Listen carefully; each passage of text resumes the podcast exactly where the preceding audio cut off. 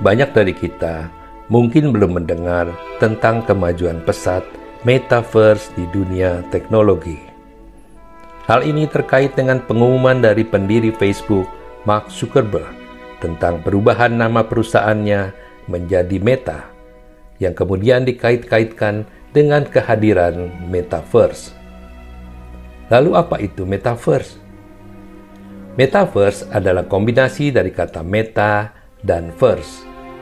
Meta mengacu kepada sesuatu yang transenden atau di luar dari kemampuan manusia, sementara verse berasal dari kata universe yang berarti alam semesta. Namun secara umum, metaverse diartikan sebagai ruang digital tempat berkumpulnya orang-orang untuk berinteraksi satu sama lainnya secara virtual.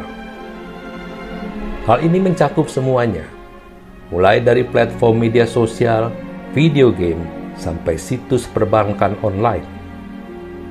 Bisa dibilang, metaverse akan menggabungkan virtual reality dengan kehidupan nyata. Bahkan nantinya, dunia virtual ini akan mencakup jaringan lokasi digital di mana pengguna dapat bertemu dengan teman, pergi ke sekolah, pergi berlibur, nonton pertunjukan, membeli barang, bahkan pergi ke gereja. Hadirnya metaverse ini di satu sisi memiliki dampak positif, tetapi di sisi lain juga dapat membawa dampak negatif. Harapan dari teknologi ini adalah akan banyak menjangkau hingga satu miliar orang dalam jangka waktu dekat ini. Semakin banyak orang yang terjangkau, semakin besar juga manfaat yang akan dirasakannya karena metaverse akan membuat dunia pendidikan akan semakin canggih. Belum lagi biaya transportasi akan berkurang karena orang-orang lebih banyak memilih tinggal dan bekerja di rumah, sehingga kerusakan lingkungan bisa berkurang dan lain sebagainya. Namun sisi buruknya adalah penggunaan teknologi, khususnya internet, sangat rentan dengan peretasan Selain itu, akan muncul juga masalah sosial, khususnya di dalam ketenaga kerjaan, karena ada banyak orang yang akan kesulitan menemukan pekerjaan. Orang jadi malas untuk berinteraksi langsung, dan bukan mustahil akan ada pasangan-pasangan yang menikah secara virtual di dunia metaverse dan lain sebagainya. Hadirnya metaverse bukan hanya untuk mempertemukan dan melakukan sosialisasi saja. Lebih dari itu, metaverse akan menjadi dunia baru dalam teknologi ke depan. Dalam dunia metaverse, Mark Zuckerberg mengatakan bahwa profil seseorang akan ditampilkan dalam bentuk avatar. Karena itu wajah asli seseorang bisa ditutupi dengan mudah dan diganti sesuai keinginannya. Saat ini, Teknologi metaverse baru saja dimulai, tetapi pada waktunya nanti, semua hardware yang digunakan akan menjadi semakin praktis dan nyaman dipakai sehingga orang dapat hidup di dua alam secara bersamaan.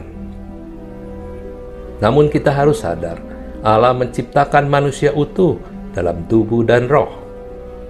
Ketika itulah Tuhan Allah membentuk manusia itu dari debu tanah dan menghembuskan nafas hidup ke dalam hidungnya. Demikianlah manusia itu menjadi makhluk yang hidup. Demikian juga dengan lingkungan hidup kita. Allah memberkati mereka, lalu Allah berfirman kepada mereka, "Beranak cuculah dan bertambah banyak, penuhilah bumi dan taklukkanlah itu, berkuasalah atas ikan-ikan di laut dan burung-burung di udara." Dan atas segala binatang yang merayap di bumi.